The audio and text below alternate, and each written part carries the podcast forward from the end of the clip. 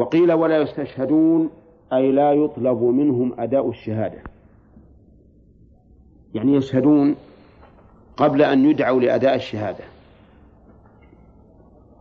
وهو دليل على على وعلى القولين جميعا فيه دليل على تسرعهم في الشهادة وعدم اهتمامهم بها وتأنيهم فيها. وقيل إن المعنى ولا يستشهدون أي لا يحملون الشهادة أي يشهدون بما لا يعلمون. وعلى هذا فيكون مراد شهداء الزور الذين يشهدون بغير شهادة. وعلى القول الأخير لا إشكال في المسألة. وعلى القول بأنهم لا يستشهدون لا يطلب منهم التحمل لا إشكال في المسألة إلا في بعض الصور. وعلى القول بأنهم لا يؤدون الشهادة بأنهم يؤدون الشهادة قبل أن تطلب أن يطلب منهم الأداء. يشكل على هذا يرحمك الله. ما ثبت من حديث زيد بن خالد الذي رواه مسلم أن النبي صلى الله عليه وسلم قال ألا أخبركم بخير الشهداء الذي يأتي بالشهادة قبل أن يسألها. وهذا الذي قاله الرسول عليه الصلاة والسلام ترغيب في أداء الشهادة قبل أن يسأل ولا تحذير؟ ترغيب. كيف ترغيب؟ لأن إيه حي زيد بن خالد. ترغيب؟ كيف كان ترغيبا؟ لأن قال لا أخبركم بخير الشهداء. فمعنى ذلك أنه يحث على أن يؤدي الإنسان شهادته قبل أن يسأل. فإذا قيل فإذا قلنا هذا صار هناك تعارض في ظاهر الحال بين حديث زيد بن خالد وحديث زيد وحديث عمران بن حصين. أنتم فهمتم المعنى لا يستشهدون كم فيها من, من أوجه؟ ها؟ ثلاثة. لا يستشهدون أي لا يشهد يعني أنهم يشهدون بما لا يعلمون. أي شهداء الزور. لا يستشهدون لا يطلب منهم أن يتحملوا الشهادة. لا يستشهدون لا يطلب منهم أداء الشهادة. أي أنهم يشهدون قبل أن تسأل منهم. على هذا الوجه يحصل التعارض بين هذا الحديث وبين حديث زيد بن خالد. ألا أخبركم بخير الشهداء. اختلف العلماء في ذلك فمنهم من قال إن حديث زيد بن خالد يبطل الوجه الثالث في حديث عمران بن حصين وأنه يجب الأخذ به. وحديث عمران بن حصين لا لا يؤخذ بالوجه الثاني الثالث منه. ومنهم من قال بل نأخذ بالوجه الثالث ونحمل حديث زيد بن خالد على أن أن المراد به من يشهد بحق لا يعلمه المشهود له. من يشهد بحق لا يعلمه المشهود له. كيف حقه ما يعلمه المشهود له؟ نعم يمكن. يكون مثلا أنا قد سمعت إقرار زيد لعمر بدين في ذمته. نعم. وعمر لم يدري أني حاضر. قد يكون في ظلمة مثلا أو من وراء الجدار أو ما أشبه ذلك. فحينئذ إذا ذهبت وأديت الشهادة عند القاضي أو أعلمت صاحب الحق يكون يكون هذا محمودا أم لا؟ يكون محمودا. وقد يكون عندي شهادة لإنسان مات. لإنسان مات. وانتقل الحق للورثة. والورثة لا يعلمون أني شاهد به. فأذهب وأؤدي الشهادة لو ما سألوني. هذا أيضا محمود ولا لا؟ محمود. فيحملونها على شهادة على شهادة لم يعلم بها من؟ المشهود له. ومنهم من قال المراد بحديث ابن خالد زيد حديث زيد بن خالد المراد الشهادة في حقوق الله. يعني شهادة الحسبة. فيؤدي الشهادة من غير أن يسأل لأن الغالب أن الشهادة في حقوق الله ليس لها من؟ من يطالب. فيذهب الشاهد ويشهد. فيكون هذا خير الشهداء. ومنهم من لم يأخذ بحديث زيد بن خالد رأسا لأن حديث عمران في الصحيحين وحديث زيد بن خالد في مسلم فحاول الترجيح. ولكن قد سبق لنا أن القاعدة أنه إذا أمكن الجمع نعم لا يجوز الترجيح. والجمع هنا ممكن بأن تحمل بأن يحمل حديث زيد بن خالد على إيش؟ ها؟ على ما إذا كان المشهود له لم يعلم بالشهادة. أو أن ذلك في حقوق الله التي ليس لها مطالب. أو أن المراد بذلك المبادرة. يعني أن كناية عن سرعة أداء الشهادة والمبادرة فيه. فكأنه لشدة إسراعه بذلك كأنه يؤديها قبل أن يسأل وإن كان ذلك ليس على سبيل الحقيقة. وعلى كل حال فإن حديث عمران بن حسين الذي معنا ذم الرسول عليه الصلاة والسلام الذين يشهدون ولا يستشهدون. وليس المراد أنهم يشهدون قبل أن تطلب أن يطلب منهم أداء الشهادة لا لأن هذا قد يكون محمودا كما في حديث زيد بن خالد.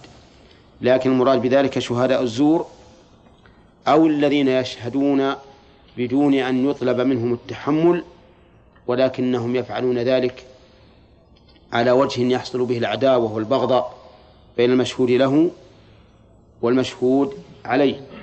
لأنه قد يكون بين صاحب الحق ومن عليه الحق. قد يكون بينهما قرابة وصداقة بحيث إن صاحب الحق لا يحب أن يشعر المطلوب بأنه قد أشهد عليه. فيأتي هذا الرجل ويشهد من غير أن يحمل من غير أن يحمل. وأيضا ربما يكون الكلام الذي بين المشهود له عليه على سبيل الهزل ليس على سبيل الجد. فيأتي هذا ويشهد من غير أن يحمل وهم لا يريدون أحدا يشهد لأن المسألة على سبيل المزح والهزل وليست على سبيل الجد. والخلاصة أننا نحمل حديث عمران ابن حسين على قوم يشهدون الزور واضح أو يشهدون من غير أن يحملوا الشهادة على وجه يضر بالمشهود له. وأما إذا كان في ذلك مصلحة فإنه لا يذم.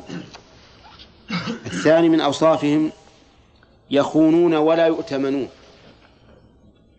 قد تقول كان الذي يتبادر إلى الذهن أن يقول يؤتمنون. ها؟ فيخونون. يؤتمنون فيخونون. ولكن ما في الحديث هو الصواب. عند التأمل. المعنى أنهم أهل خيانة وليسوا أهلا للأمانة.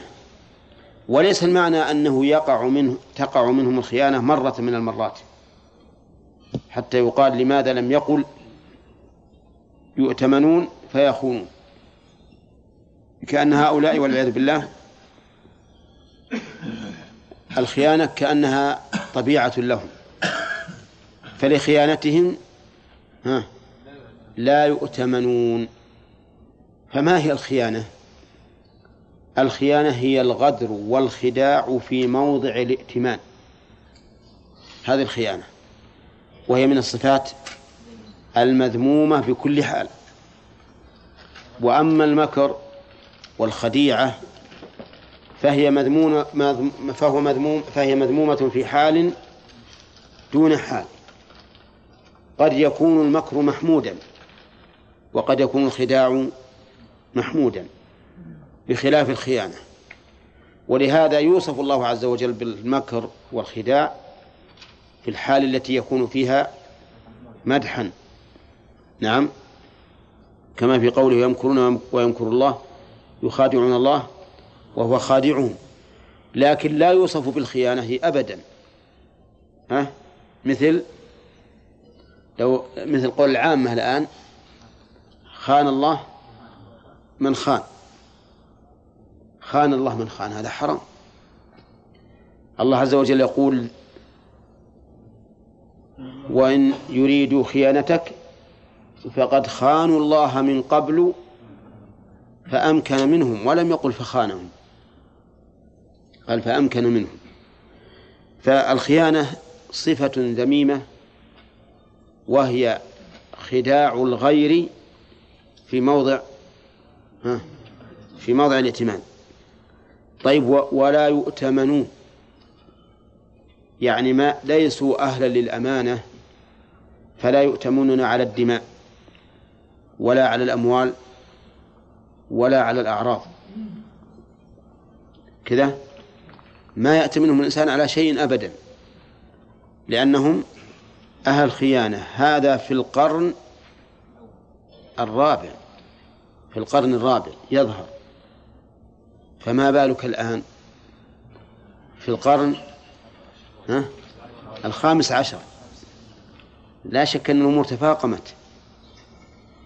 تفاقمت. وقد ذكر في حديث في حديث آخر يفشو الكذب يعني يظهر. وليس ببعيد لأن اللي يشهد بدون بدون علم كاذب.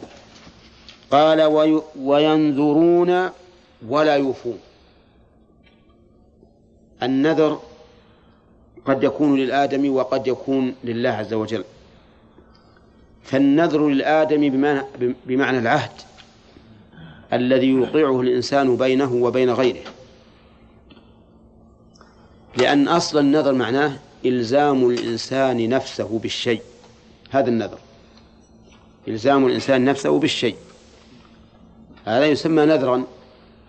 ثم إن كان طاع عبادة فهو خاص بالله. وإن كان غير عبادة فإنه قد يكون مع الغير.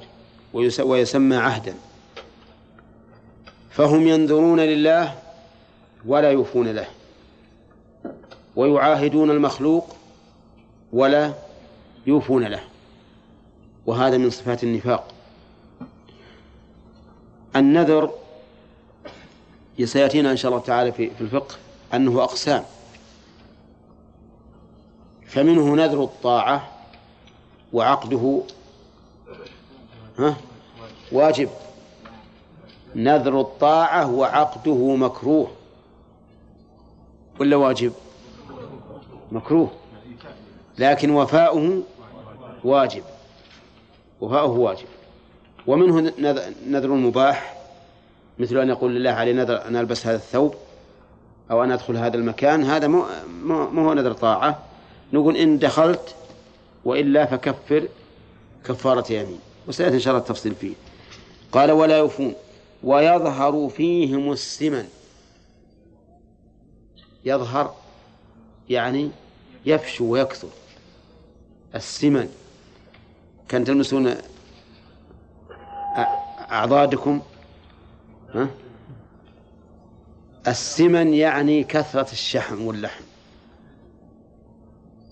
نعم. ولكن مشكل هذا الحديث جدا لأن ظهور السمن ليس باختيار الإنسان. أولا كم من إنسان وده أنه يخفف من, من, من اللحم اللي عليه ولكن ما يحصل. أولا وكم من إنسان هزيل وده يسمن ولا يحصل. فكيف يجعل النبي صلى الله عليه وسلم هذه الصفة التي ليست باختيار الإنسان لا إيجادها ولا إعدامها كيف يجعلها صفة ذم؟ قال أهل العلم المعنى أن هؤلاء يعتنون بالمطاعم والمشارب التي يكون بها السمن فهم يعتنون بأسباب السمن يكون ما همهم إلا إصلاح أبدانهم. ليس لهم هم إلا أن يصلحوا أبدانهم. نعم. يلا ركب ميزان عندك. نعم.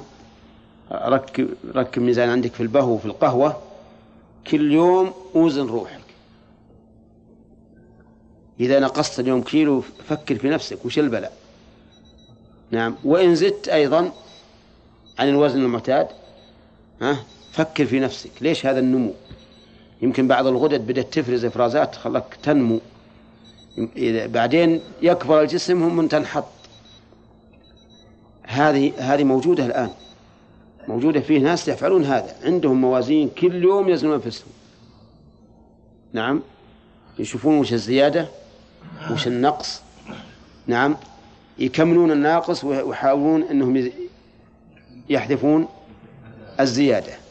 هذه عناية كاملة بالجسم لكن القلوب ها فارغة لأن لأن النفس إذا اشتغلت بشيء انشغلت عن غيره. قلبه ما يهمه يسمن يهزل ما يهم. المهم هذا الجسم هل يسمن ولا ما يسمن؟ ولهذا قال يظهر فيهم السمن لتعاطي إيش؟ لتعاطي أسبابه. فكأنهم لا يهتمون إلا بما يكون سببا لتنمية أبدانهم وزيادتها. أما غير ذلك فلا يهتمون به. وأما السمن الذي لا اختيار للإنسان فيه فإنه لا يذم عليه. أولى كما لا يذم الإنسان على كونه طويلا أو قصيرا أو أسود أو أبيض نعم أو أعرج أو سليما ما ما يذم. لكن يذم على شيء يكون هو السبب فيه لا يهتم إلا به. هذا في القرن الرابع. وفي قرننا ها؟ أشد وأشد. في قرننا أشد وأشد. حتى إني يعني وجدت في كتاب يقول لا يعني ينبغي الإنسان أن يكون جيدا في هندامه وكذا وكذا وكذا. إلى أن قال يلبس الثوب النظيف ويحلق لحيته. نعم. يحلق لحيته. وهذا موجود الآن موجود في أيدي الناس. كتاب موجود في أيدي الناس. ها؟ ما ما عليك من اسمه المهم على نشوف يعني كيف التربية والعياذ بالله. إلى هذا الحد. يجعلون معصية الشارع يجعلونها من المظاهر الحسنة. نعم. نعم. لا. إيه. بعدكم قصد في بعد هذه القرون. بعد هذه القرون. ها؟ يكون في الرابع فما بعد. لأن لفظ البخاري يدل عليه. خيركم قرني ثم الذين يلونهم ثم إن بعدكم. نعم. كيف قلنا قرن التابعين 60 سنة واللي بعدهم 40 سنة؟ مع أن الآن نقول في القرن نحن نقول هذا ب... نعم نعم. نحن نقول هذا بناء على أن القرن معتبر بالسنوات مئة سنة. لكن إذا قلنا المعتبر بالقوم والطائفة فآخر كما قال ابن حجر آخر من مات من التابعين سنة 220 من تابع التابعين سنة 220 تسمية من الآن شيخنا القرن الخامس. بناء على القول الثاني أن القرن هو 100 سنة. فيها أقوال المسألة. حتى القرن بالسنين مختلفين فيه من ثلاثين أربعين خمسين ستين أيضا بعضهم يقول سبعين ثمانين تسعين مئة مئة وعشرة مئة وعشرين. كل هذه خلافات العلماء. صحيح الظاهر بالنسبة لهذا الحديث إنهم الصحابة والتابعين وتابع التابعين. إلى 220 نعم. عثمان. قد يقول قائل إن القرن الأول المقصود به الصحابة والتابعين مع بعض. نفسهم يكون القرن الأول. ما ما ما رأيت أحدا قال بهذا. نعم.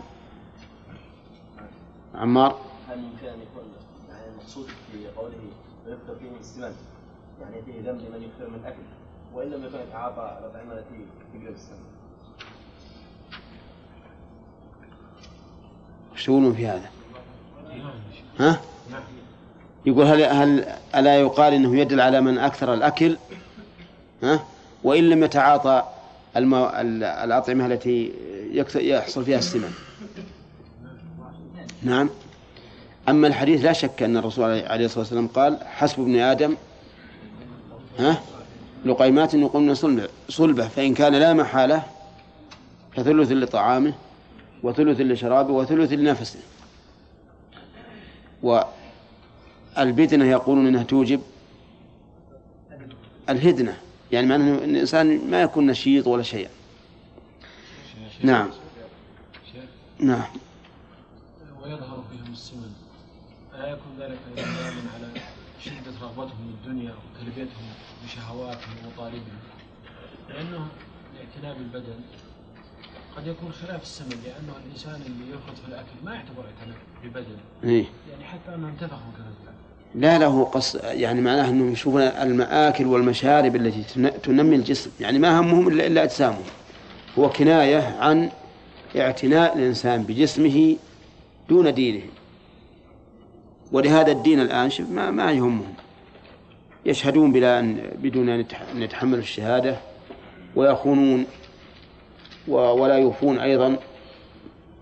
ما همهم إلا بس يعني أنانيين كما يقول في, في اللغة الحاضرة. يعني يكون هذا لشدة يعني رغبتهم في الدنيا وتربيتهم بشهواتهم إي نعم نعم. ما سمعت الحديث لله ما السبب لو سألنا سائل ما السبب جعل هذا القرن خير القرون؟ كيف؟ لأن هؤلاء الصحابة رضي الله عنهم ما كثرت فيهم الفتن ولا ظهرت فيهم البدع ولا الأهوى وإنما ظهرت البدع والأهوى وانتشر الشر والفساد فيما بعد ذلك. فمثلا القول بخلق القرآن فشى وانتشر في عهد من؟ في عهد المأمون في زمن الإمام أحمد بن حنبل. نعم. فشى وانتشر وكثر.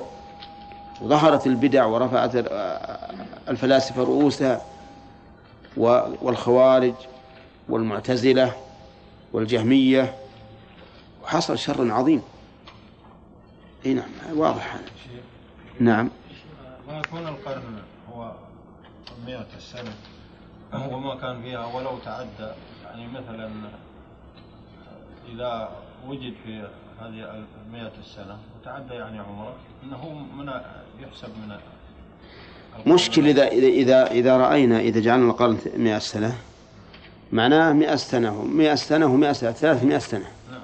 نعم. ما ما يناسب الواقع لأن الشر والفساد ظهر قبل ذلك.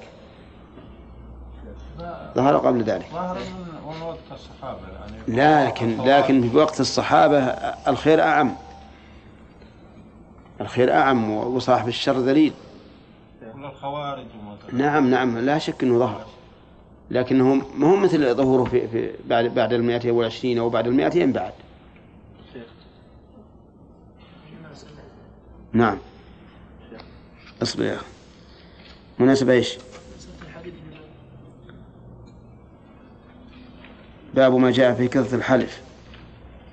مناسبته ما تظهر إلا في الحديث الذي بعده. حديث مسعود. تسبق أحدهم شهادة أحد يمينه ويمينه شهادته. ولهذا المؤلف جاء بحديث ابن مسعود. نعم.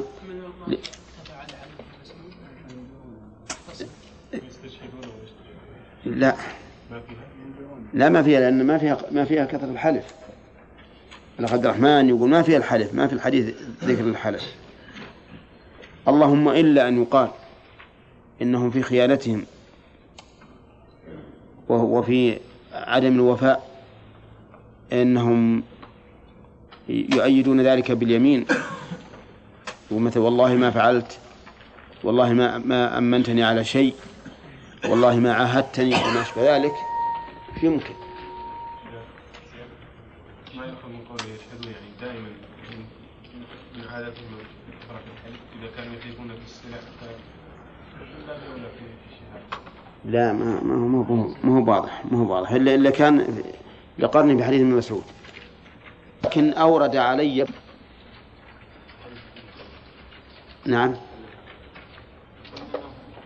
وفيه عن ابن مسعود رضي الله عنه هذا متدرس اليوم. وفيه عن ابن مسعود رضي الله عنه أن النبي صلى الله عليه وسلم قال خير الناس قرني ثم الذين يلونهم ثم الذين يلونهم. نقول في, في, في, في هذا ما قلنا في الأول إلا أن قوله خير الناس واضح في أن قرن الرسول صلى الله عليه وسلم خير الناس. فصحابة النبي صلى الله عليه وسلم أفضل من الحواريين الذين هم أنصار عيسى عليه الصلاة والسلام وأفضل من النقباء السبعين الذين اختارهم موسى صلى الله عليه وسلم.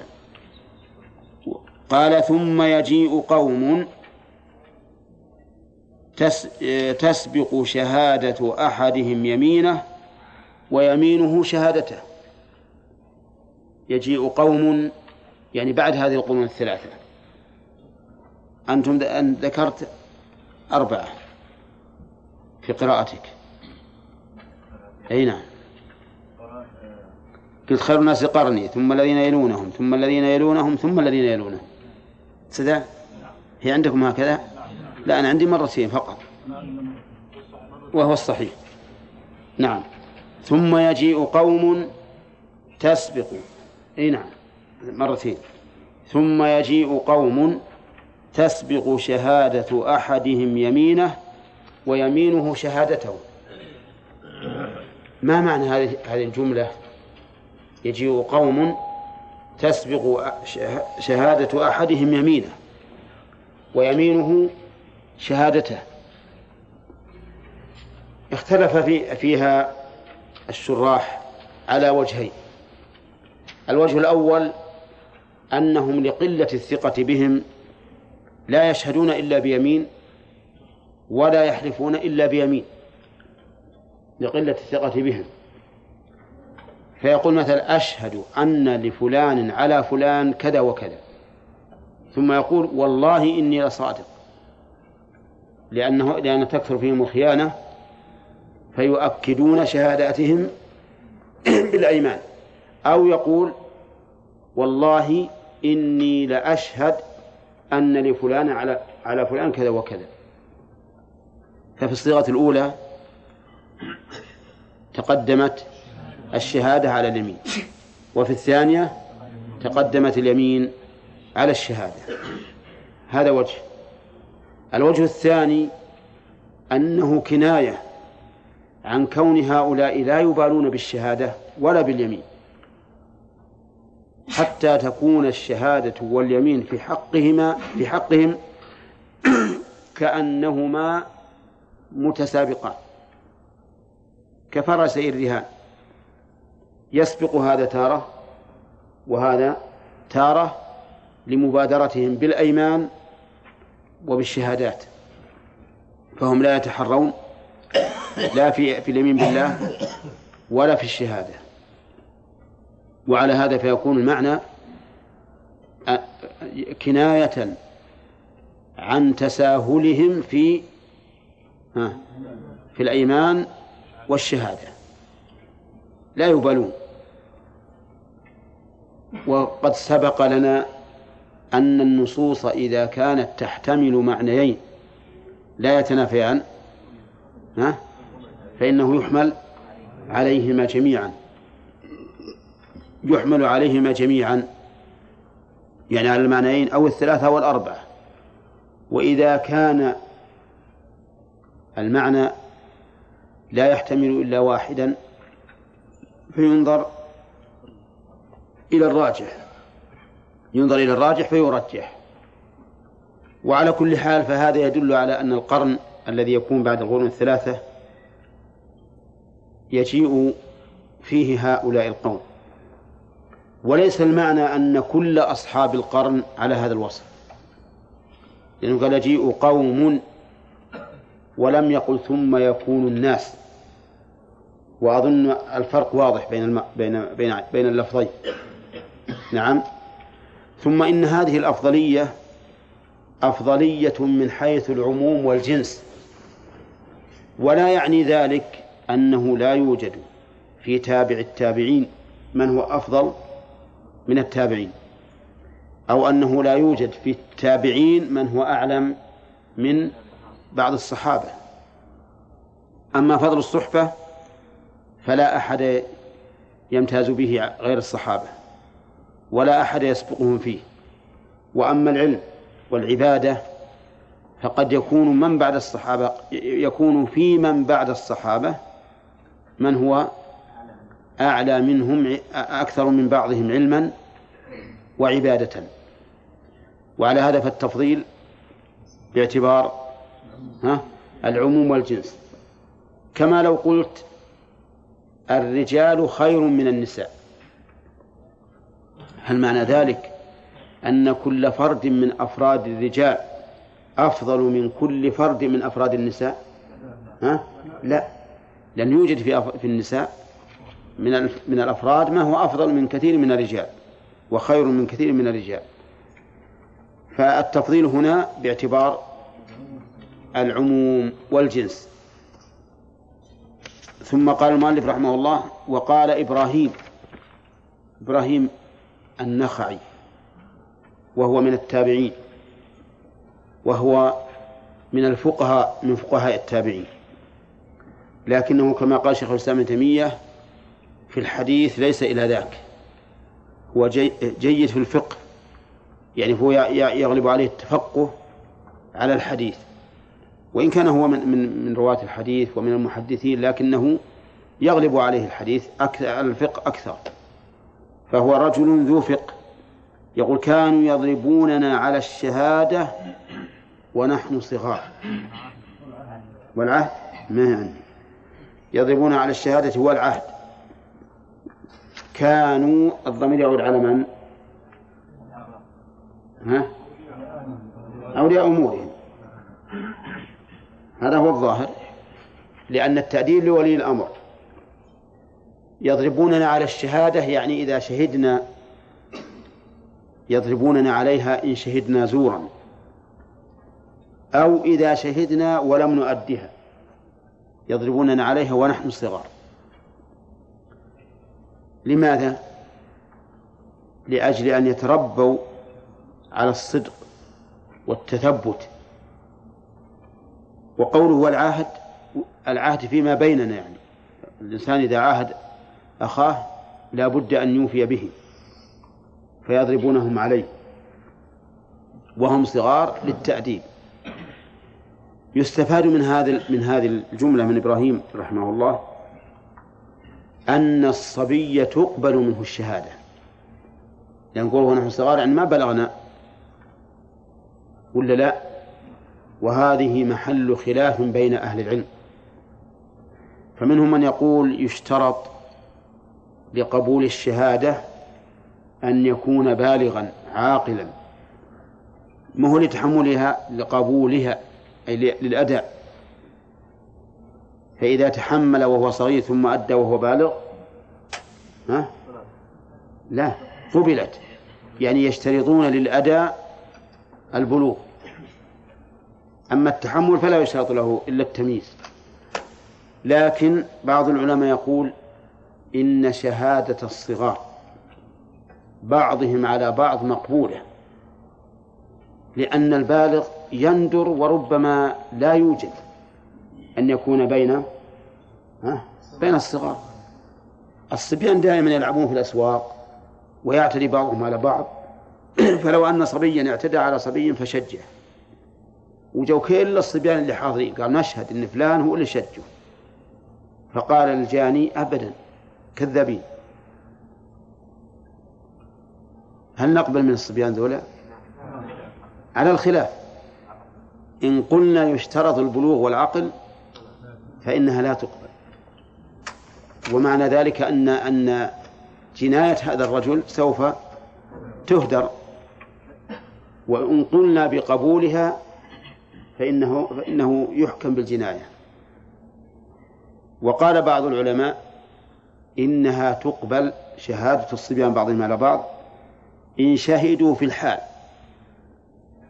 كان على على طول مسكناهم شهدوا قبلت. وأما إن شهدوا بعد فلا تقبل. ليش؟ قال لاحتمال النسيان أو التلقين. ولا لا؟ يمكن هم ينسون وإلا لقنوا قال اشهدوا مثل بكذا وكذا. أما إذا كان في الحال والقضية حارة ما بعد تفرقوا ولا شيء فإنها تقبل. ولا يسع العمل إلا بهذا. لا يسع الناس العمل الناس العمل إلا بهذا وإلا لضاعت حقوق كثيرة تجري بين الصبيان. وظاهر كلام إبراهيم أن الصبيان تقبل منهم الشهادة ويستفاد من هذا الأثر أيضا جواز ضرب الصبي على الأخلاق وإن لم تكن من الصلاة الصلاة جاء بها الحديث لكن غير الصلاة من الأخلاق والآداب هل يضرب عليها؟ ها؟ نعم يضرب عليها إذا لم يتأدب إلا بالضرب وقد سبق لنا أنه أن المؤدب لا يضمن ها ما تلف بهذا التأديب بالشروط الخمسة السابقة ثم قال المؤلف رحمه الله فيه مسائل الأولى الوصية بحفظ الأيمان من أين تؤخذ؟ وين الوصية؟ ها؟ الأمر والأمر وصية. ها؟ أي نعم. نعم الأمر وصية. ثانيا آه الثانية الإخبار بأن الحلف منفقة للسلعة. نعم. قوله صلى الله عليه وسلم الحلف منفقة للسلعة منفقة للكفر نعم. ومعنى المنفقة سبقت لنا. لكن قال منفقة للسلعة ممحقة للبركة. وهذا هو المهم. المهم الثاني ممحقة للبركة. وأما كونها منفقة للسلعة فهذا قد يكون تحصيل حاصل لكنه ممحقة للبركة. الثالثة الوعيد الشديد لمن لا يبيع ولا يشتري إلا بيمينه.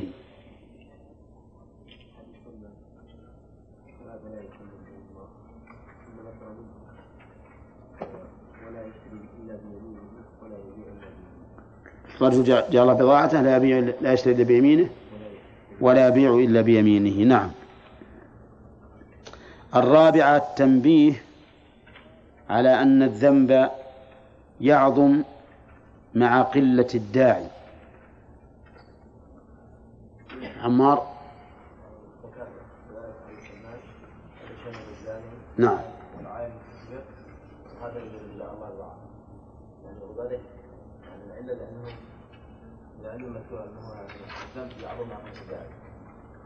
أيهم كل ثلاثة ولا بس اثنين ولا واحد؟ كلهم. أما العائل المستكبر فالداعي فيه قليل. ولو شيء من الزاني كذلك. لكن رجل جعل الله بضاعته. الداعي قليل.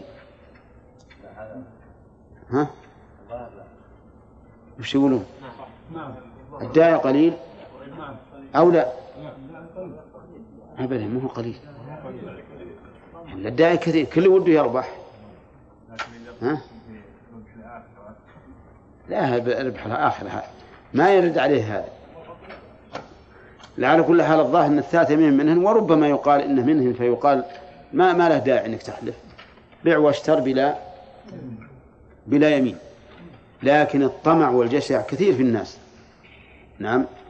طيب يقول المؤلف الخامسة ذم الذين يحلفون ولا يستحلفون. يحلفون ولا يستحلفون. انتبه ترى ما هو بيشهدون؟ يحلفون ولا يستحلفون. رشيد من أين تؤخذ؟ جاء الله ها وش تقولون صح؟ لأن هذا الرجل جعل بضاعته هل استحلف؟ طيب وهل هذا الذي قاله المؤلف على إطلاقه؟ أن كل من حلف ولم يستحلف فهو مذموم؟ ها؟ لا مو على إطلاقه. الرسول صلى الله عليه وسلم يحلف وهو ما استحلف بل أمره الله أن يحلف وهو لم يستحلف. نعم؟ في قوله تعالى ويستنبئونك أحق هو. ها؟ قل إي وربي إنه لحق زعم الذين كفروا أن لا يبعثوا. قل بلى وربي لتبعثن. وقال الذين كفروا لا تأتينا الساعة. قل بلى وربي لتأتينكم. هذه ثلاثة مواضع في القرآن أمر الله نبيه أن يحلف. ولا رابع لها. فقد أمر الله نبيه أن يحلف في ثلاثة مواضع من القرآن من غير أن يستحلف.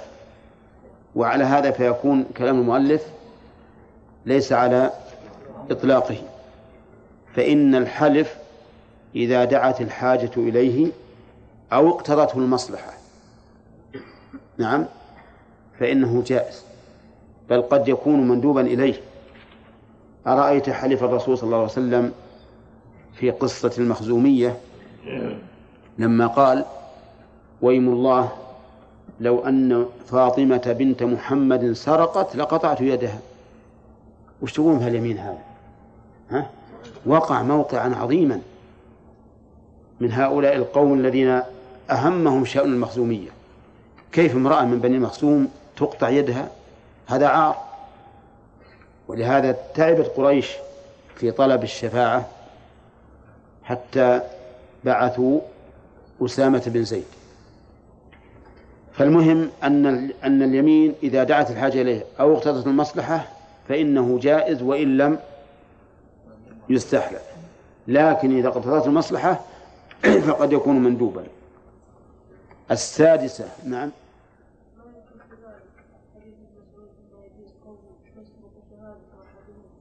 إيه، نعم ويمكن ويؤخذ من هذا يؤخذ من هذا. السادسة قوله ثناؤه صلى الله عليه وسلم على القرون الثلاثة أو الأربعة وذكر ما يحدث. قوله خير الناس قرني إلى آخره. وقول أو الأربعة بناء على الشك. طيب قوله وذكر ما يحدث ينبغي أن نجعلها مسألة مستقلة برأسها. وهي ذكر آية للرسول عليه الصلاة والسلام. ذكر آية للرسول عليه الصلاة والسلام فإن ذكره هذا الشيء ثم وقوعه كما أخبر لا شك أنه آية من آيات الرسول ولا لا؟ فلو جعلت هذه مسألة مستقلة لكان أبين وأوضح لأن الإخبار بما سيحدث ثم يقع على صفة ما أخبر دليل على أنه رسول الله صلى الله عليه وسلم. نعم. السابعة أن الذين يشهدون ولا أن الذين ذم السادسة ذم الذين.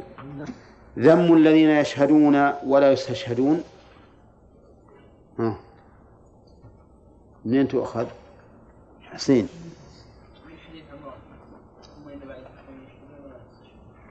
نعم. طيب وممكن نقول وذم الذين يخونون ولا يؤتمنون. ولا لا؟ وذم الذين ينذرون ولا يوفون. وذم الذين يسمنون. ها؟ ها إذا ذم إيش؟ آه نعم. يتعاطون أسباب السمن ويغفلون عن سمن القلوب. القلوب ما عليهم منها هزيلة ولا سمينة. لكن الأبدان يعتنون بها وينصبون موازين كل يوم يزن نفسه. نعم. لكن من فضل الله عند الناس أن الذي يزن نفسه يجب أن يزكي على نفسه. ويمكن هذا هذه العقيدة تمنع بعض الناس من أن يزنوا أنفسهم. لأنه إذا كان كل ما وزن نفسه لازم يزكي على نفسه مشكلة هذا هذا عند الناس ما هو صحيح هذا. هذا ليس بصحيح لكن لا طيب؟ ها؟ كم؟ والله تختلف عاد هذا. الذين يكون ولا ينذرون؟ ها؟ لا ها؟ لا. الذين ينذرون ولا يوفون طيب الثامنة كون السلف يضربون الصغار على الشهادة والعهد. لقول لقول إبراهيم النخعي رحمه الله كانوا يضربون على الشهادة والعهد ون- ونحن صغار. الثامنة التاسعة عناية السلف. ما أذكرها ما هو بالمؤلف. من عندي. نعم.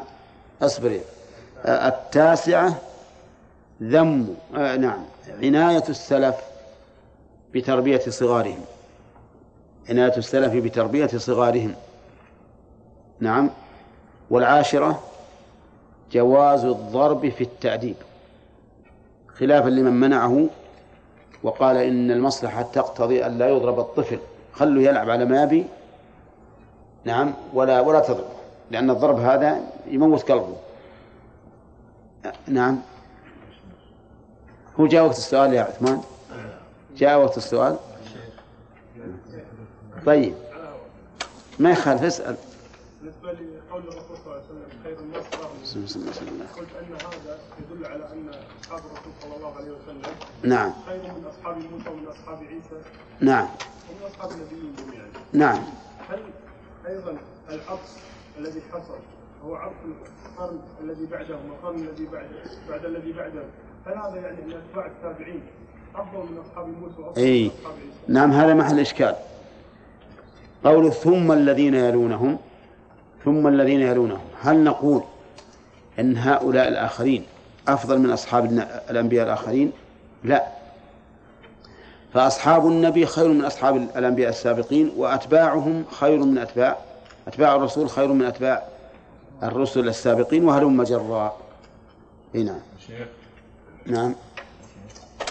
طيب الأصحاب والصبيان على بعض أحيانا يشهدون يعني في واحد كلهم يبغضونه. إيه. يشهدون عليه. كيف نقبل شهادة؟ ما يخالف. أن هذا مجرد. صحيح هذا مجرد. إذا قيل مثلا نعم هذولا شهدوا علي لأني امتزعنا وياهم.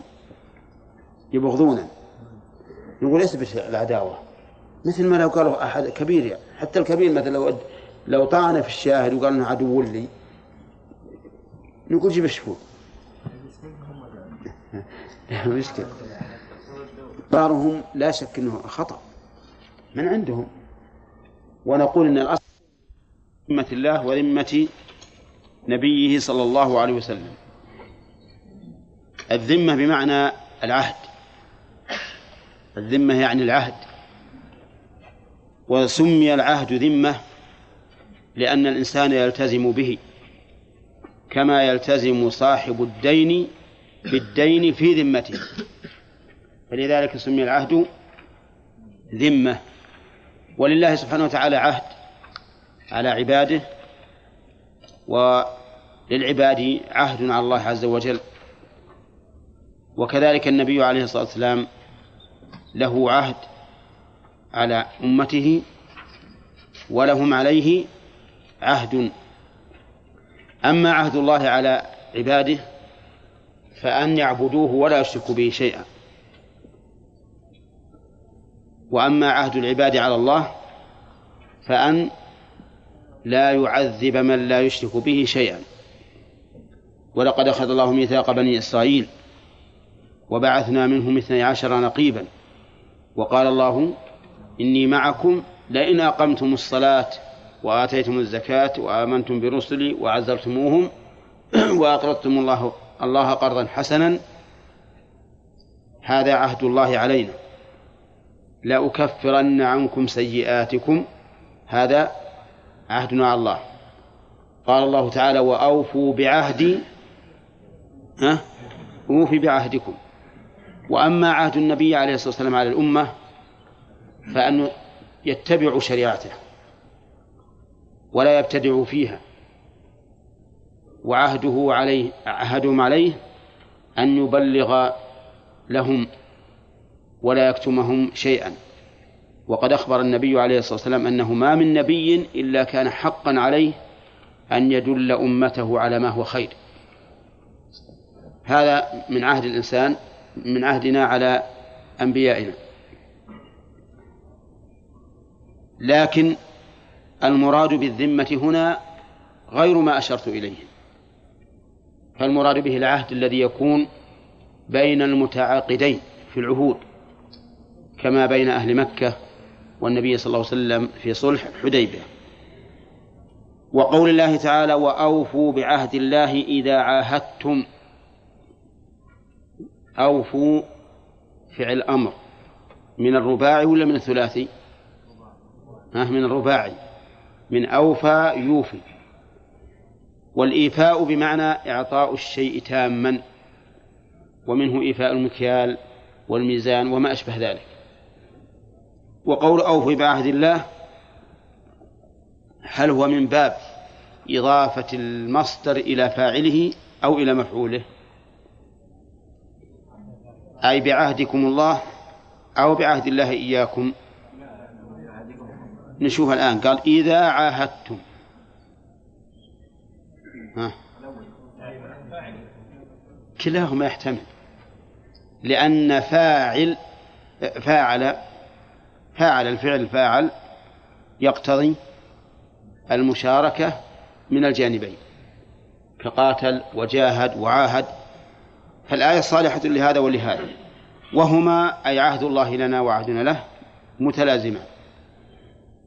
أوفوا بعهد الله إذا عاهدتم. ومنه النذر. فإن النذر نوع من العهد.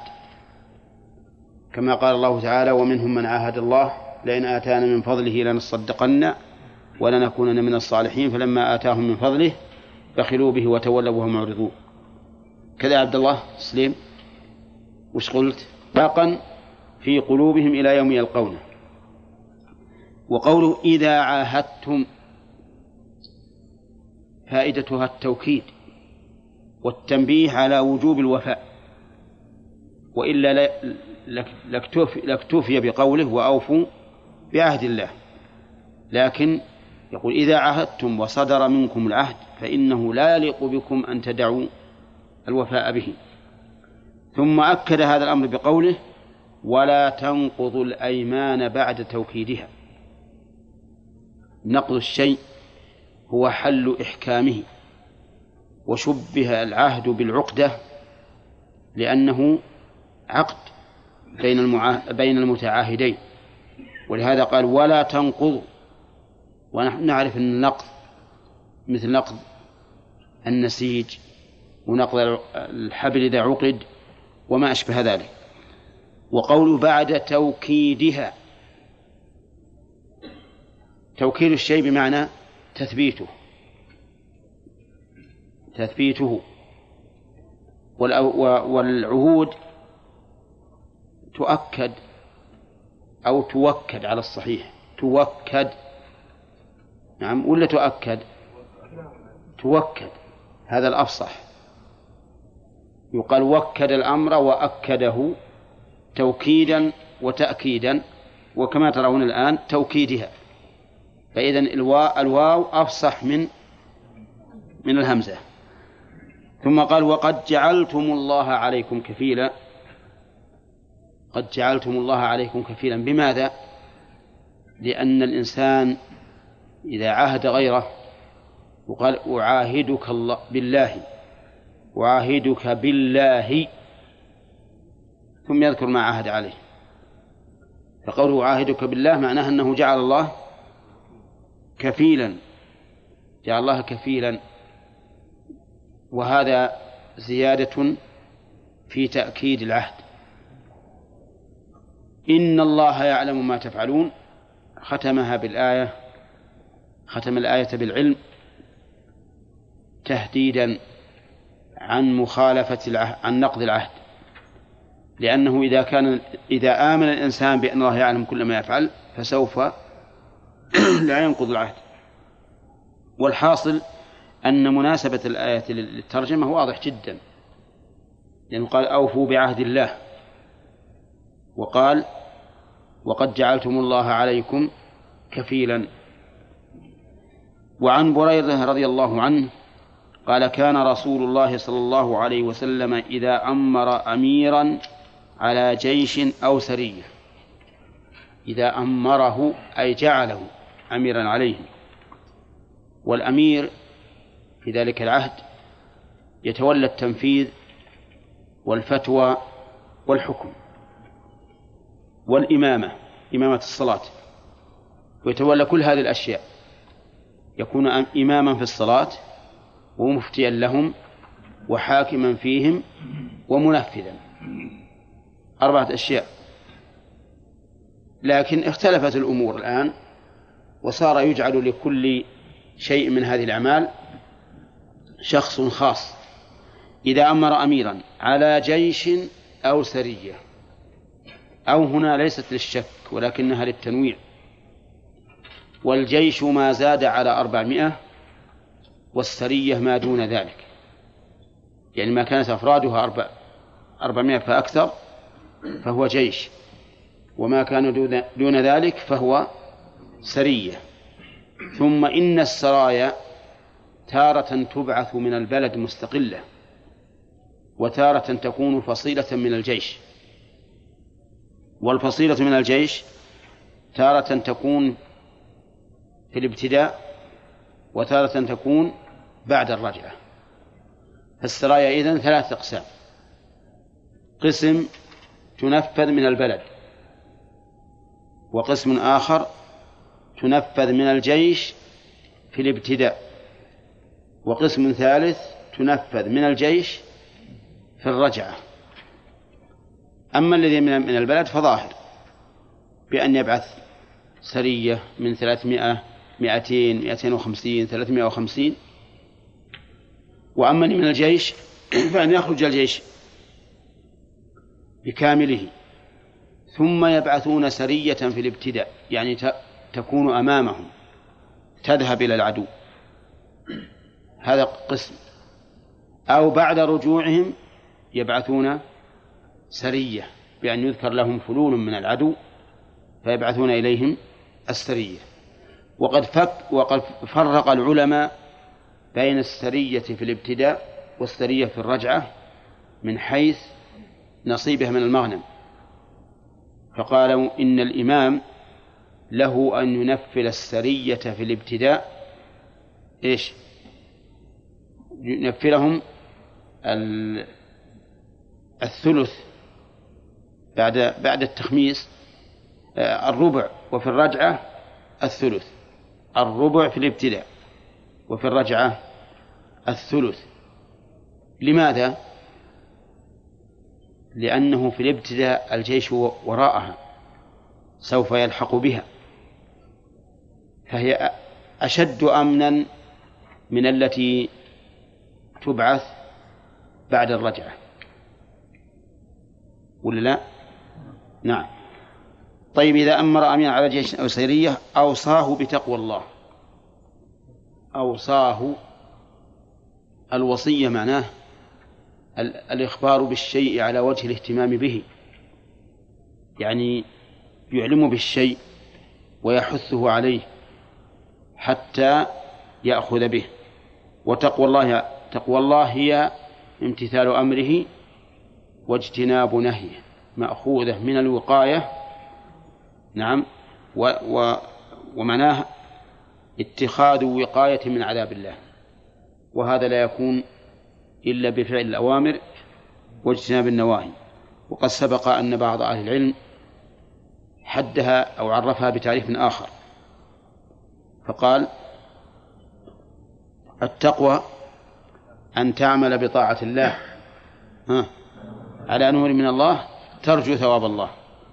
وأن تترك ما نهى الله على نور من الله ها؟ تخشى عقاب الله. وبعضهم عرفها بغير ذلك. فقال ها؟ خل الذنوب ها؟ صغيرها وكبيرها ذاك التقى. واعمل كماش فوق أرض الشوك يحذر ما يرى. لا تحقرن صغيرة إن الجبال من الحصى. ولكن كل التعريفات تنصب فيما قلنا أولا وهو أن يتخذ الإنسان وقاية من عذاب الله بفعل أوامره واجتناب نواهيه. وإنما كانت الوصية بالتقوى لأمير الجيش أو السرية لأن الإمارة في الغالب تعطي الإنسان رفعة رفعة على من هو أمير عليهم وربما تأخذه نفسه الأمارة بالسوء حتى لا يتقي الله عز وجل. وقوله وبمن معه من المسلمين خيرا. أنا عندي بالباء وبمن. ومن. إيه، أما على وبمن فهي معطوفة بإعادة, بإعادة العامل. معطوفة على تقوى الله بإعادة العامل. وأما على حذف الباء فهي معطوفة عليه بغير إعادة العامل. وقول بمن معه من المسلمين خيرا يعني أوصاه أن يعمل بمن معه من المسلمين خيرا. طيب خيرا في الأمور الدنيوية ولا في الأمور الدينية ولا فيهما جميعا؟ فيهما جميعا. فيسلك بهم الأسهل ويطلب لهم الأخصب إذا كانوا على خيل أو إبل وكذلك يأمرهم بالمعروف وينهاهم عن المنكر ويمنع من التظالم فيما بينهم. فكلمة خير تشمل خير الدنيا والآخرة. وفي هذه الحال أو من هذا الحديث نعرف أنه يجب على من تولى أمرا للمسلمين أن يسلك بهم ما هو خير بخلاف عمل الإنسان لنفسه فإنه لا يلزم إلا بالواجب. لا يلزم إلا بالواجب. أما من عمل لغيره فإن الواجب عليه أن يتبع ما هو خير. وقال اغزوا بسم الله في سبيل الله قوله اغزوا بسم الله هل إن الرسول عليه الصلاة والسلام أراد أن يفتتح الغزو بالاسم؟ بسم الله أو أراد أن يعلمهم أن يكونوا دائما مستعينين بالله عز وجل. ها؟ الظاهر الثاني أولى. الثاني أولى وإن كان الأول محتملا لأن بعث الجيوش من الأمور ذات البال. وكل أمر ذي بال لا يبدأ فيه بسم الله فهو أبتر. وقوله في سبيل الله متعلق بغزو وهو تنبيه من الرسول صلى الله عليه وسلم على حسن النية والقصد لأن الغزاة لهم أغراض ومآرب كثيرة ولكن الغزو النافع الذي تحصل به إحدى الحسنيين هو الغزو في سبيل الله. وما ضابط الغزو في سبيل الله آه بأن يقاتل لتكون كلمة الله العليا. هذا الغزو في سبيل الله أن يقاتل لتكون كلمة الله العليا. لا حمية ولا شجاعة ولا ليرى مكانه ولا لطلب الدنيا بل لتكون كلمة الله العليا. لكن ما رأيكم في من قاتل للوطن؟ ها؟ في سبيل الله ولا حمية؟ لا حقيقة في تفصيل. إذا كان يقاتل للوطن لأنه وطن إسلامي يريد أن يحميه ويحمي من فيه من المسلمين. فهذه نية سليمة صحيحة. وإن كان لمجرد الوطنية فهذا حمية وليس وليس في سبيل الله. طيب من قاتل للقومية. القومية لأنهم قومي فهو في سبيل الله. لا. ينظر لكن كلمة قوم قد يفهم منها حمية الجاهلية العصبية وأنه يقاتل لهذه القومية سواء كانوا مسلمين أو غير مسلمين. نعم. على كل حال النية أمرها خفي جدا ودقيق وقد يكون فيها جزء من ألف جزء يفسدها. فلا بد أن تكون النية خالصة لله عز وجل لتكون كلمة الله هي العليا. وقوله في سبيل الله. في تشمل والله أعلم النية كما قلتم وتشمل أن يكون الإنسان في قتاله في إطار دين الله. لأن سبيل الله دينه وشريعته فلا يتعدى الحدود. لا يتعدى الحدود. بل يكون على حسب ما رسمه الشرع. وهذا تشمله يشمله قوله في سبيل الله. قاتلوا من كفر بالله. قاتلوا فعل الأمر من كفر بالله. والأمر هنا للوجوب. فيجب علينا أن نقاتل من كفر بالله. قال الله تعالى يا أيها النبي جاهد الكفار والمنافقين واغلظ عليهم ومأواهم جهنم وبئس المصير. وقال تعالى يا أيها الذين آمنوا قاتلوا الذين يلونكم من الكفار وليجدوا فيكم غلظة واعلموا أن الله مع المتقين. فإذا قاتلنا من يلينا من الكفار فأسلموا نقاتل من وراءهم.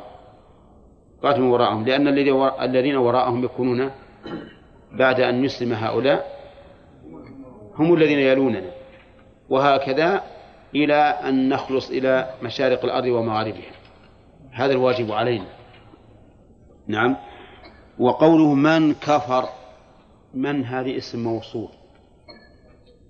ها؟ ليش شرطية؟ اسم موصول. قاتل الذي كفر. نعم. واسم الموصول بصلته يفيد العلية أي أن عل أي أن صلة الموصول علة الحكم. فإذا قلت أكرم الذي اجتهد أي أي لاجتهاده. نعم. أكرم الذي اجتهد أي لاجتهاده. وإذا قلت أضرب اللي هوجس في الدرس. ها؟ لهواجيسه؟ نعم. وإذا قلت رش من ينام بالمسدس. مسدس الماء يعني ما هو؟ لنومه. كذا؟ طيب إذن آه، صلة الموصول تفيد إيش؟ علية الحكم. إذا من كفر بالله لماذا؟ لكفره. فنحن لا نقاتل الناس عصبية كما يصور ذلك أعداء المسلمين. يقول المسلمين يتعصبون. أبدا ما نتعصب. أي إنسان يدخل في دين الله مو هو علشان أنه ديننا أنه ديننا أي إنسان يدخل في دين الله فهو أخونا وأي إنسان يخرج عن دين الله فهو عدونا وعدو الله عز وجل. فليس عندنا عصبية. إذا من كفر بالله والكفر بالله عز وجل مداره على أمرين وهما الجحود والاستكبار. الجحود والاستكبار إما استكبار عن طاعته وإما جحود لما يجب قبوله وتصديقه. أغزوا تأكيد وإنما أتى بها مرة ثانية كأنه يقول حققوا الغزو. أغزوا بجد. لا يكون غزو لا يكون غزوكم غزوا سلبيا أو غزوا فاترا بل يكون غزوا جديا. أغزوا. ولا تغلوا ولا تغدروا ولا تمثلوا ولا تقتلوا وليدا أربعة أمور. نهى عنها الرسول عليه الصلاة والسلام. قال لا تغلوا وما هو الغلول؟ قال العلماء الغلول أن يكتم شيئا من الغنيمة. أن يكتم شيئا من الغنيمة. هذا الغلول. مثل يغنم مثل قتل هذا المشرك ووجد في معه ذهبا وسيفا وما أشبه ذلك. فأعجبه هذا وكتمه. جعله لنفسه. هذا غلول. وهو من من كبائر الذنوب. حتى قال الله عز وجل ومن يغلل يأتي بما غل يوم القيامة. يأتي به معذبا به والعياذ بالله. قال أهل العلم والغال يحرق رحله كله إلا المصحف والسلاح وما فيه روح. المصحف لاحترامه والسلاح لفائدته وما فيه روح لأنه لا يجوز تعذيب ما فيه الروح بالنار. قال ولا تغد ولا تغدروا. الغدر هو الخيانة. لا تغدروا إذا عاهدتم. هذا هو الشاهد من الحديث. إذا عاهدتم فلا تغدروا. وأما مع عدم العهد فلنا أن نغدر. صح؟ لا. هو يسمى غدر لكنه الحرب خدعة. بس هم هو خيانة ليس خيانة. الخيانة ما هو خيانة.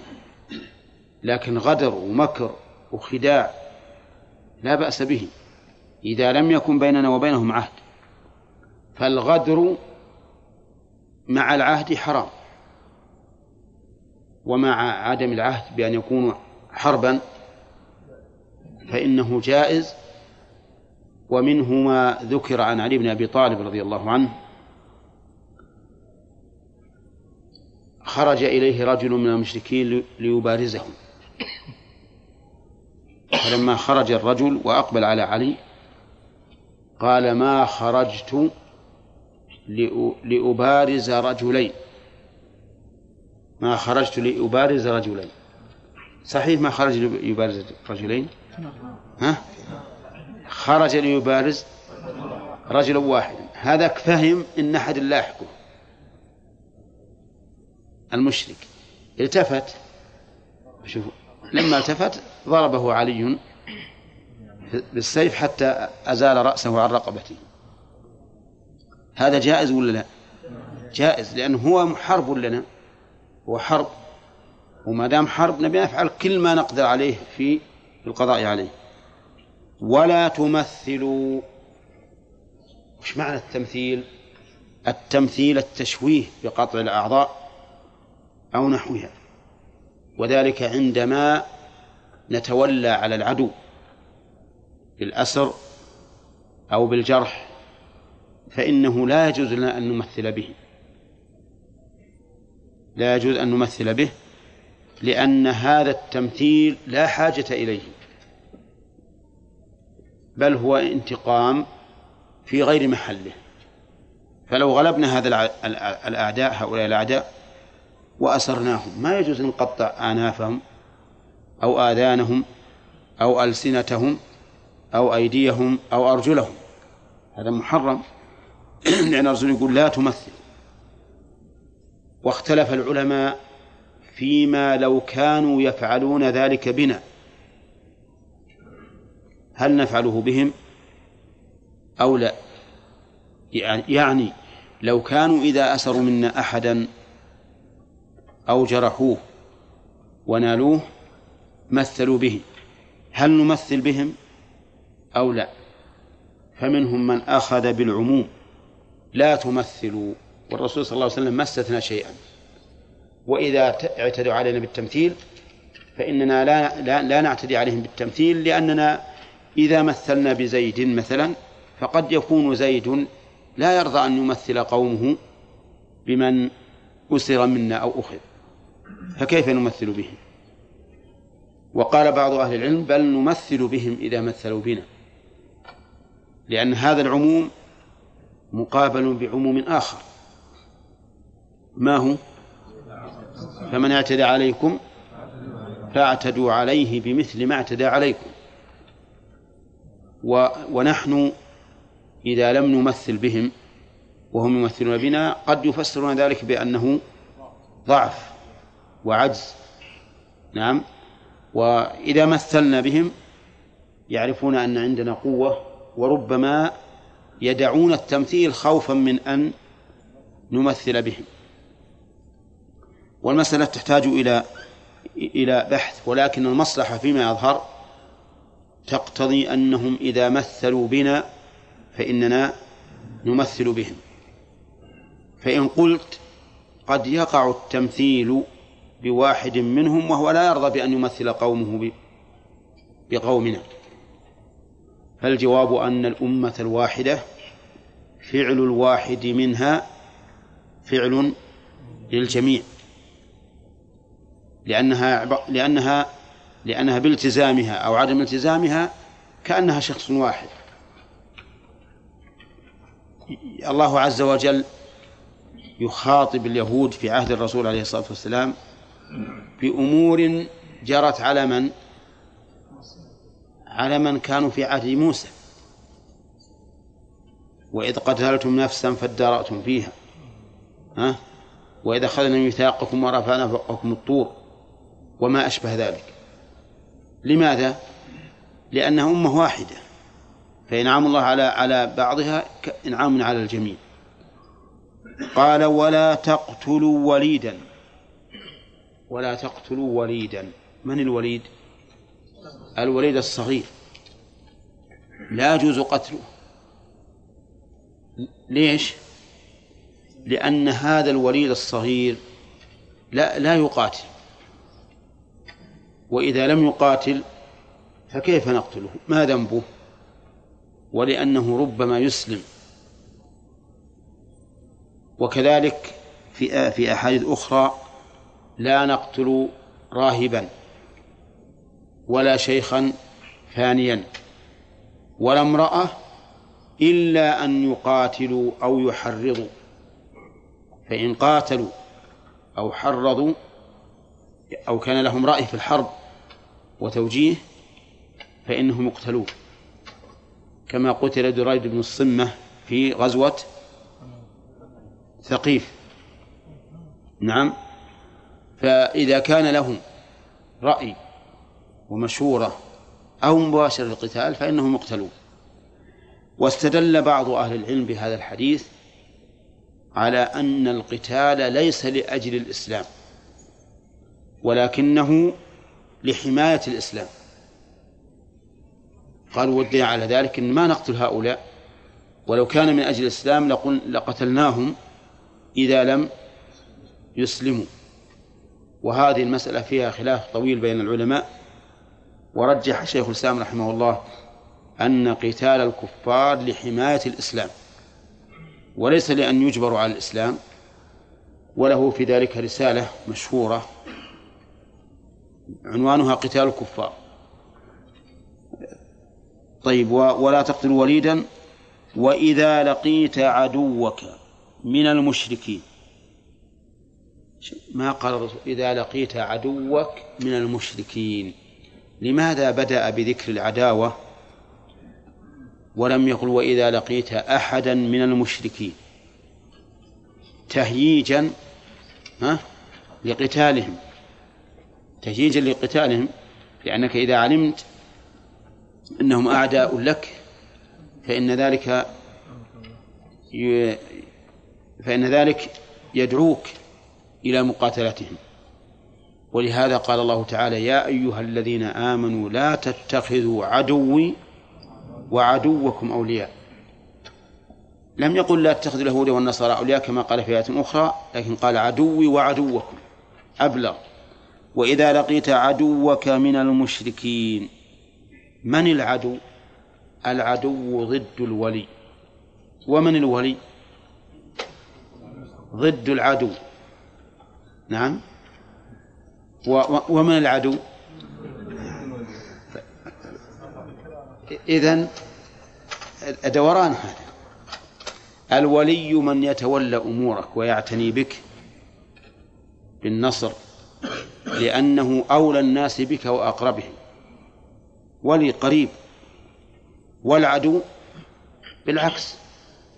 من يخذلك وينابذك ويبتعد عنك. من المشركين. انتبه لكلمة من المشركين لأن لها شأنا فيها. سيذكر فيما بعد. كلمة من المشركين يدخل فيه كل الكفار. أولى حتى اليهود والنصارى حتى عبدة الأوثان. نعم حتى عبدة الأوثان. فادعهم إلى ثلاث خصال أو خلال. قول ثلاث خصال أو خلال. الخصال والخلال بمعنى واحد. وإذا كان بمعنى واحد علم أن أو ها للشك. ولا لا؟ نعم.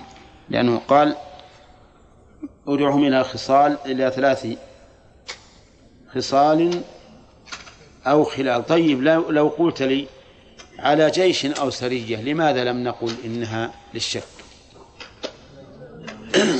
نعم. آه لاختلاف المعنى. طيب. آه نعم. فأي فأيتهن ما أجابوك فاقبل منهم. فأيتهن ما أجابوك فاقبل منهم وكف عنهم. أيتهن هذه وش, وش إعرابها اسم شرط. نعم. أنا عندي فأيتهن بالرفع ها؟ مبتدأ. وهي اسم شرط. وما زائدة. وما تزاد في الشرط تأكيدا للعموم. كما في قوله تعالى أيا ما تدعو فله الأسماء الحسنى. نعم. فأيتهن ما أجابوك طيب أجابوك الكاف مفعول به. و آه، أين العائد إلى اسم الشرط؟ لأنه لا بد من ربط الشرط باسمه باسم الشرط. كما أن صلة الموصول لا بد لا بد فيها من عائد.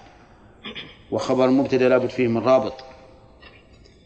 نقول محذوف.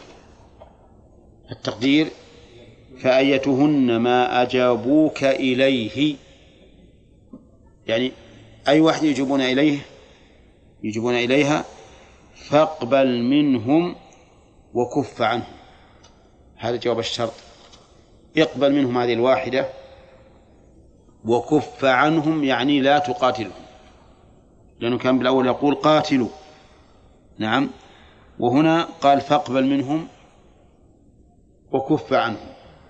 فإذا نعرض عليهم الآن ثلاث الخصال إذا أجابوا للأولى ما نعرض الثانية. إن أجابوا للثانية إن, إن منعوا الأولى عرضنا الثانية إن أجابوا إليها ما ندعوهم للثالثة. إن لم يجيبوا دعوناهم للثالثة. قال ثم ادعهم إلى الإسلام. ثم الظاهر أنها زائدة كما في رواية أبي داود. لأن ما له معنى ثم ادعهم. نعم. ويكون التقدير فاقبل منهم وكف, من وكف عنهم ادعهم إلى الإسلام. لأنه إذا لو كانت ثم غير زائدة لكانت الخلال أو الخصال مبينة ولا غير مبينة؟ غير مبينة. لأن ثم للعطف والعطف يقتضي المغايرة. فإذا ما بعدها يكون غير ما قبلها. فلهذا الصواب أنها محذوفة. ادعهم إلى الإسلام. طيب ويمكن أن يقال إن قوله ثم ليست من كلام النبي عليه الصلاة والسلام ولكنها من كلام الراوي. فيكون معنى فأيتهن ما.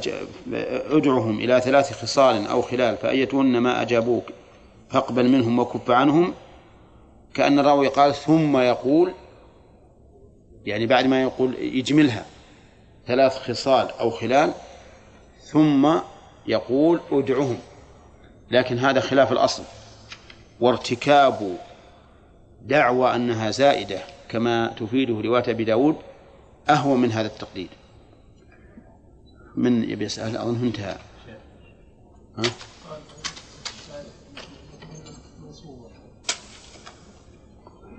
لا عندي بالرفع ها؟ منصوبة في أحد وجهين نعم. على الاشتغال والثاني على الزرقاء على الخافض كيف؟ يعني إلى فإلى مثلهن إيه؟ أجابوك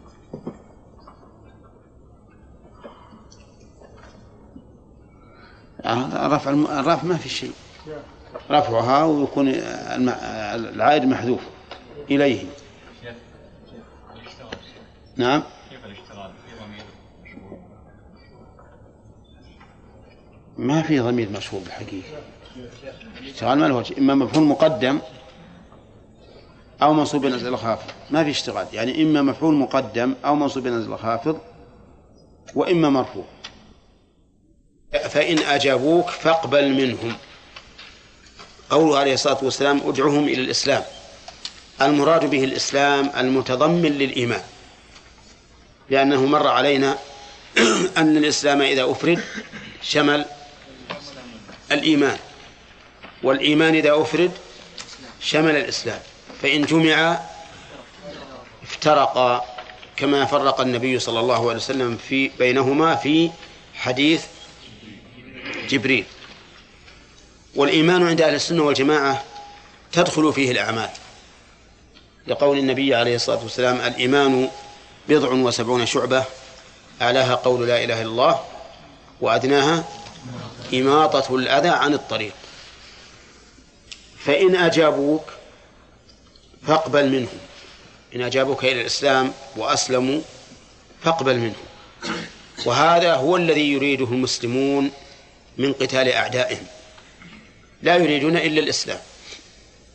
إذا أسلموا فهم إخوتنا ولا يحل لنا أن نقاتلهم بعد ذلك. ثم ادعهم بعد أن يسلموا إلى التحول من دارهم إلى دار المهاجرين. وهنا إنما يقاتل أعرابا أهل بادية. فإذا أسلموا طلب منهم أن يتحولوا إلى دار المهاجرين ليتعلموا دين الله. لأن الإنسان في باديته بعيد عن العلم بعيد عن الدين كما قال تعالى الأعراب أشد كفرا ونفاقا وأجدر أن لا يعلموا حدود ما أنزل الله على رسوله. فيدعون إلى أن يتحولوا إلى دار المهاجرين. وهذا أصل في توطين إيش؟ البادية. برنامج معروف عند الدول توطين البوادي حتى لا يبقوا على الجفاء والغلظة والتمزق والتفرق. وقوله إلى دار المهاجرين هل المراد بها الجنس أو المراد بها العين؟ يعني هل المراد المدينة نفسها أو الدار دار المهاجرين الدار التي تصلح أن يهاجر إليها لكونها بلد إسلام سواء كانت المدينة أم غير المدينة؟ نعم. في احتمال الحقيقة أن في احتمال. لأنك إن نظرت إلى الاحتمال الأول وهو أن المراد بها المدينة قلت إن الرسول صلى الله عليه وسلم كان يعبر عنها باسمها المدينة ولا يأتي بالوصف المشتق العام. وإن نظرت إلى أن دار المهاجرين الأولى هي هي المدينة رجحت هذا. والظاهر لي والله أعلم أنها شاملة. أن المراد بدار المهاجرين الدار التي يهاجر إليها وهي دار الإسلام. على أننا لا نعلم إذا كان هذا الحديث متقدما فإننا لا نعلم بلدا يعتبر بلد إسلام مستقل إلا إلا المدينة. قال وأخبرهم أنهم إن فعلوا ذلك فلهم ما للمهاجرين وعليهم ما على المهاجرين. وهذا تمام العدل. لا يقال إنكم لما أتيتم بعد فالحق للمستوطن الأول. ما دام الرجل ارتحل واستوطن ونزل فإن له ما ما لصاحب البلد الأصلي. ولهذا قال أخبرهم أن لهم ما للمهاجرين وعليهم ما على المهاجرين لهم ما للمهاجرين من الغنيمة والفيء وعليهم ما على المهاجرين من الجهاد والنصرة وغير ذلك.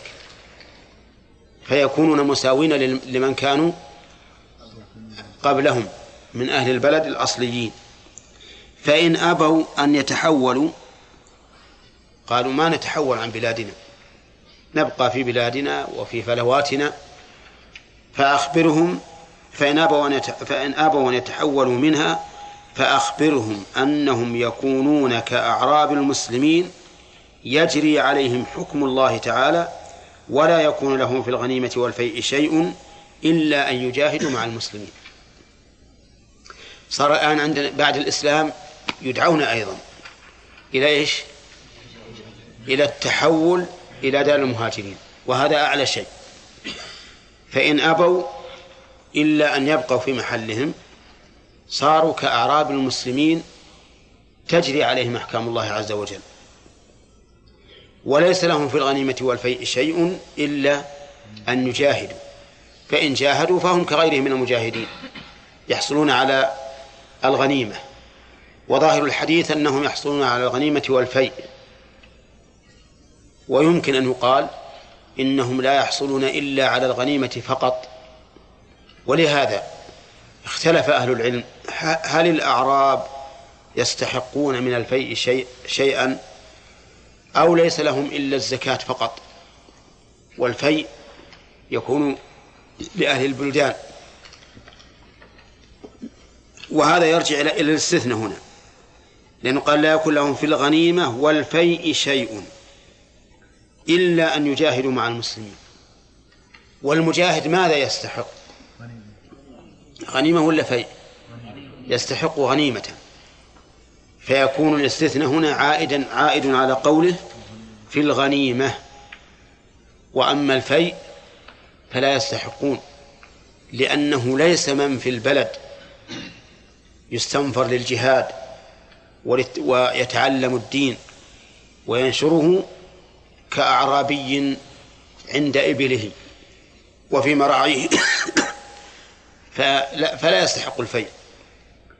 والمعروف من مذهب الإمام أحمد رحمه الله أنهم لهم حق في الفيء والغنيمة. لهم حق في الفيء والغنيمة إذا جاهدوا مع المسلمين. لكن الفيء لهم حق فيه مطلقا والغنيمة إن إن جاهدوا. يقول فإنهم أبوا نعم. يجري عليهم نعم يجري عليهم حكم الله ورسوله في كل شيء من وجوب الزكاة مثلا يدفعونها إلى الإمام وإلى السعاة وكذلك الخرص عليهم إذا كانوا أصحاب ثمار أو زروع المهم كل أحكام الله تجري عليهم. نعم.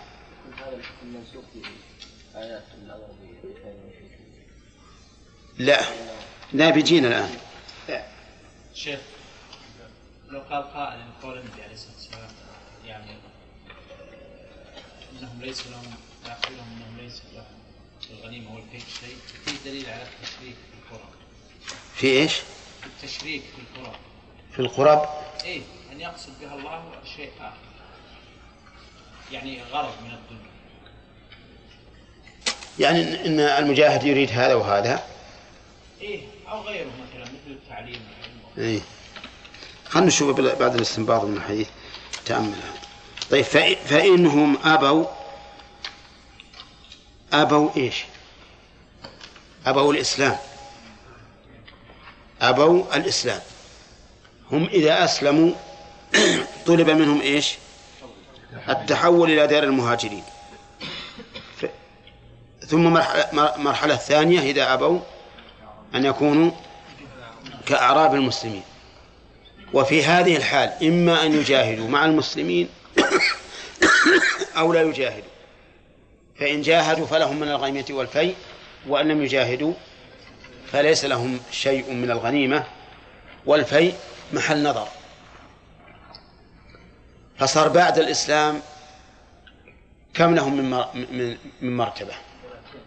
لهم ثلاث مراتب بعد الإسلام. ثلاث مراتب. التحول إلى دار المهاجرين. البقاء في أماكنهم مع الجهاد. البقاء في أماكنهم مع ترك الجهاد. عرفتم؟ أولى. ثلاث مرا- مراتب بعد الإسلام. أما إذا لم يسلموا قال فإن أبوا فإنهم أبوا فإنهم أبوا. إعرابهم عند البصريين ها؟ توكيد للفاعل المحذوف مع فعل الشرط. والتقدير فإن أبوا هم